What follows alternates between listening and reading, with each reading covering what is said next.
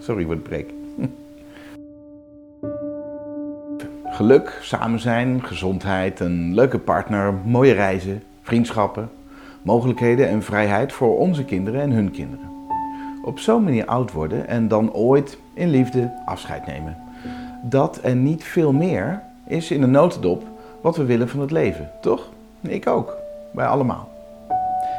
Dat is belangrijk om bij stil te staan. Wij allemaal, je schattige nichtje, je irritante collega, leuke buurvrouw en lastige zwager, willen uiteindelijk een gezond, vrij, gelukkig, gelijkwaardig en liefdevol leven.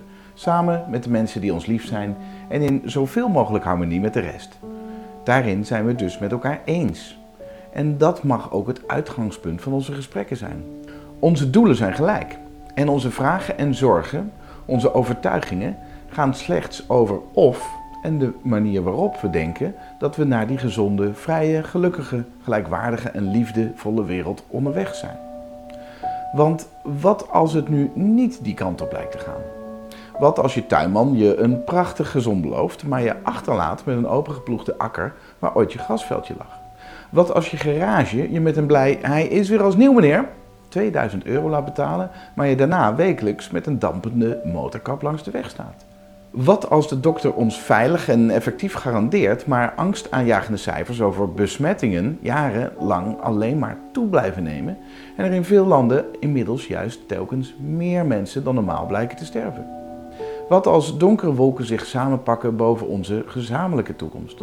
Als willekeur en waanzin, censuur, oorlog, buitensluiting en onrecht juist steeds vaker lijken toe te slaan?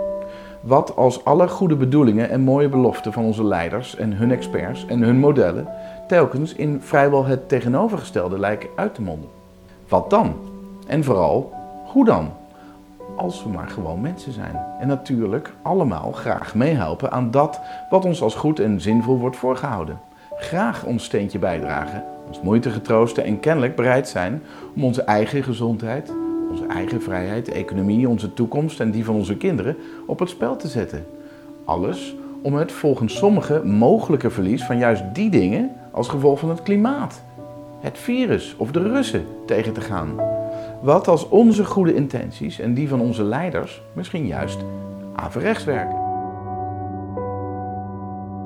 Wat als we op de golf van opkomen voor de soevereiniteit van een land en haar democratie in werkelijkheid tientallen miljarden euro's van burgers overhevelen naar overheden en wapenleveranciers. Geld waarmee nog meer soldaten en huurlingen nog eens 10.000 extra doden zullen veroorzaken.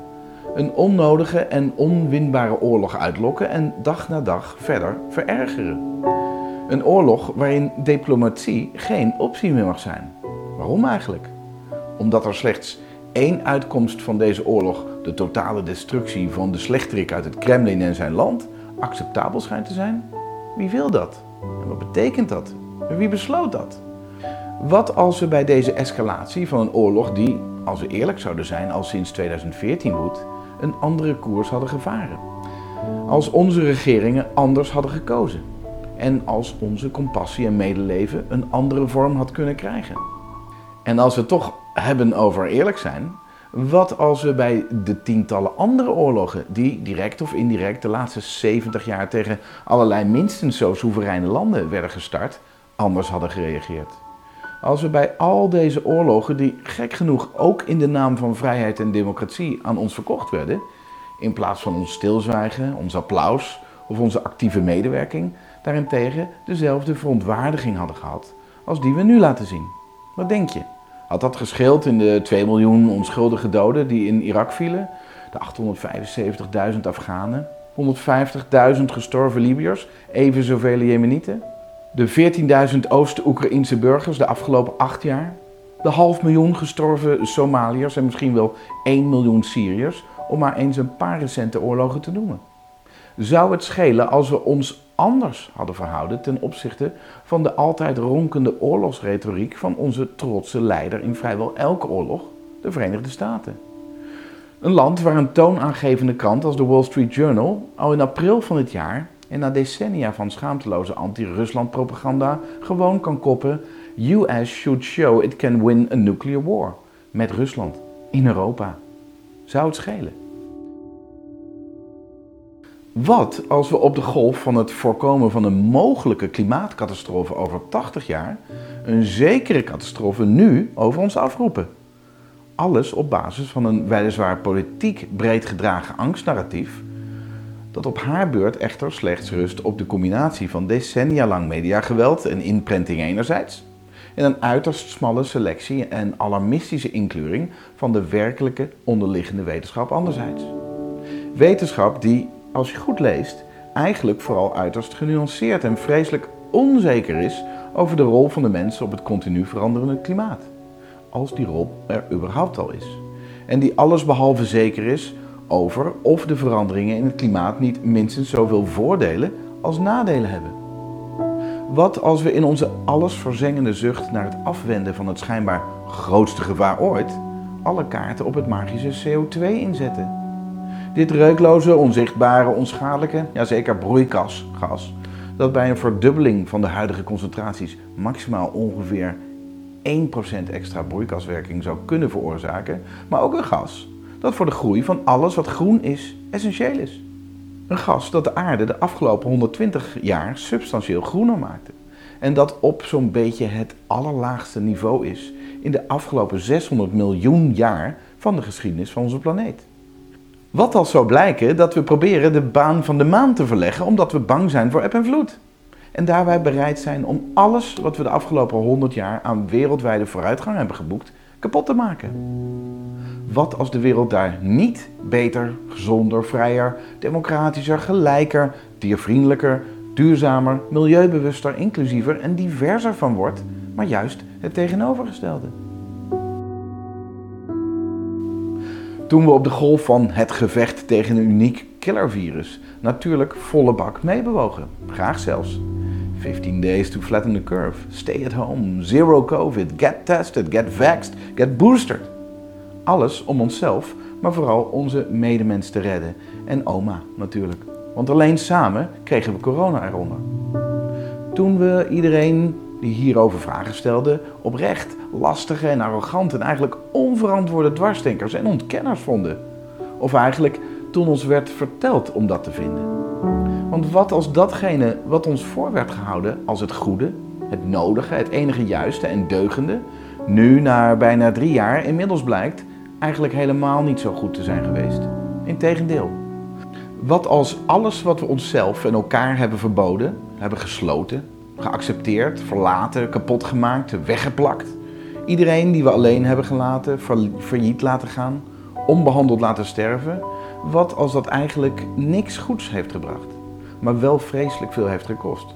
Wanneer blijkt dat landen of staten met hele strenge maatregelen vrijwel exact dezelfde seizoensafhankelijke besmettingsgolven doormaakten als die met bijna geen maatregelen. Dat trots of met gezonde tegenzin meedoen aan het maniacale vaccineren kennelijk helemaal niet hielp tegen elkaar besmetten, tegen het krijgen of tegen eraan in het ziekenhuis komen. Dat 95% werkzaam en uitend na getest inmiddels blijkt te zijn buitengewoon ernstige bijwerkingen voor juist die mensen die niks van het virus te vrezen hadden. Zwaar ontregelde menstruatie bij alle vrouwen, problemen met vruchtbaarheid, hartontstekingen bij superfitte jonge mannen, uiterst zorgwekkende structurele oversterfte en alarmerende signalen van ernstige en ongekende toenames van ziektelast aan andere virussen, bacteriële infecties, gordelroos, herpes en zelfs kanker. Exact die zaken die een gezond immuunsysteem iedere dag onder controle houdt, lijkt opeens bij miljoenen jonge en voorheen gezonde mensen niet meer goed te werken. Wat als onze allerbeste intenties om ons steentje bij te dragen aan het voorgeschreven antwoord op het eigenlijk evenzo voorgeschreven grote gevaar dat ons dag in dag uit werd ingeprent, precies het tegenovergestelde teweeg heeft gebracht van waarvoor we ons zo graag wilden inzetten.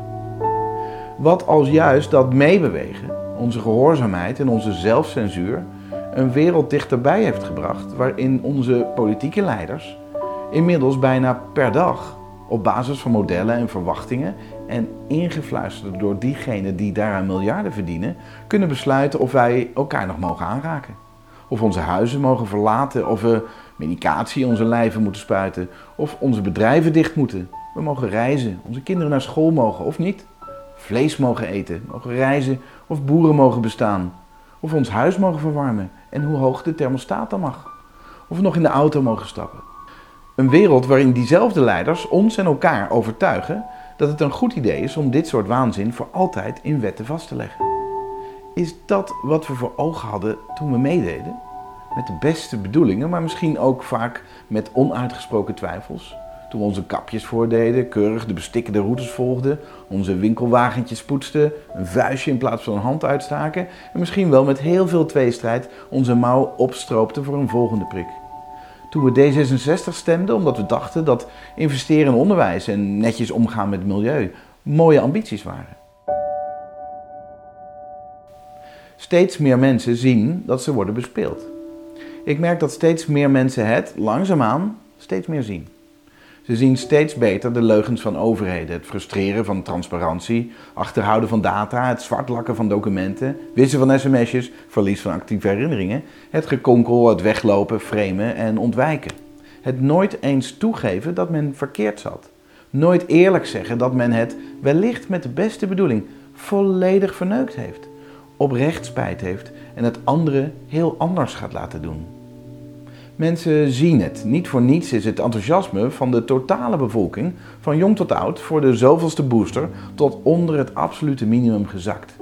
En zien ze dat types als Bonte, Kuipers en Koopmans en hun internationale evenknieën als Van Ranst en Lauterbach helaas nog steeds, met hulp van de voltallige media, liever paniek blijven zaaien en nieuwe besmettingsgolven aankondigen.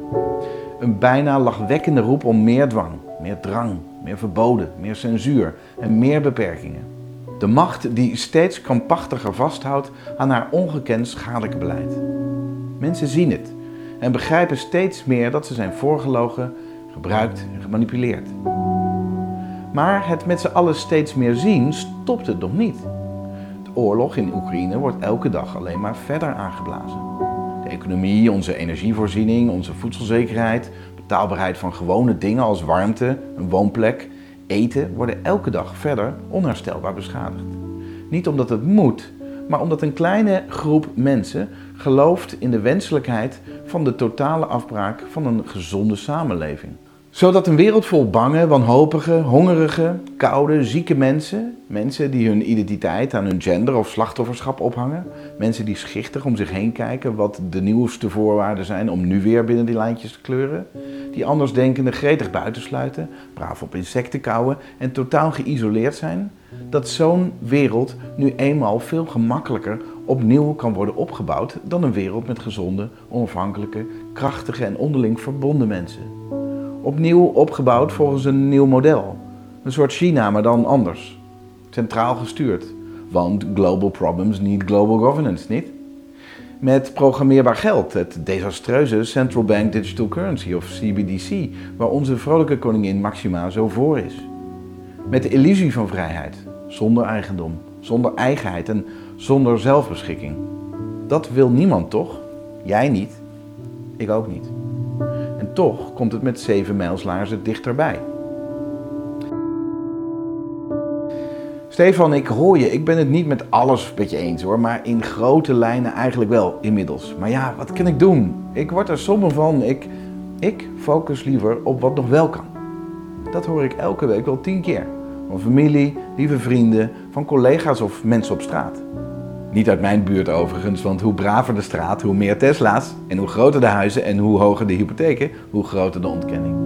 Maar geloof me, ik snap het zo ontzettend goed. Dat mensen dat zeggen. De onmacht, het negatieve. En de gedachte dat gewoon even meebewegen de wind wel over doet waaien. Maar nu zwijgen is exact het recept voor een geschiedenis die zich herhaalt. De banaliteit van het kwaad, niet de enkele gek of kwade genius die het slechtste met de mensheid voor heeft. Niet de Hitlers, de Stalins of de Pol Pots vormen de echte bedreiging voor de mensheid. Niet zij maakten dat de geschiedenis telkens weer desastreus dezelfde hoofdstukken kent. Niet die enkeling, maar het wegkijken, het stilzwijgen en het liever focussen op wat nog wel kan van de grote meerderheid. Dat is wat maakt dat vreselijke dingen op grote schaal gewoon worden en vreselijke gevolgen kunnen hebben. En dat zelfde stilzwijgen en wegkijken maakte ook dat we zelfs 75 jaar later met de hand aan het hart en tranen in onze ogen en met de beste bedoelingen dat nooit weer moeten zeggen. Laten we opstaan. Laten we niet meer meedoen. Laten we er bovenal over praten, vragen stellen en weer zelf nadenken. Laten we niet meer monddood maken, niet meer accepteren dat monddood wordt gemaakt.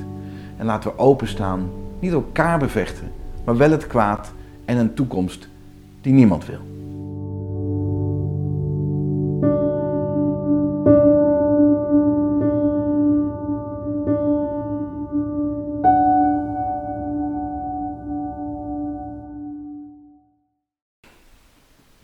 Sorry voor het break. Oeh.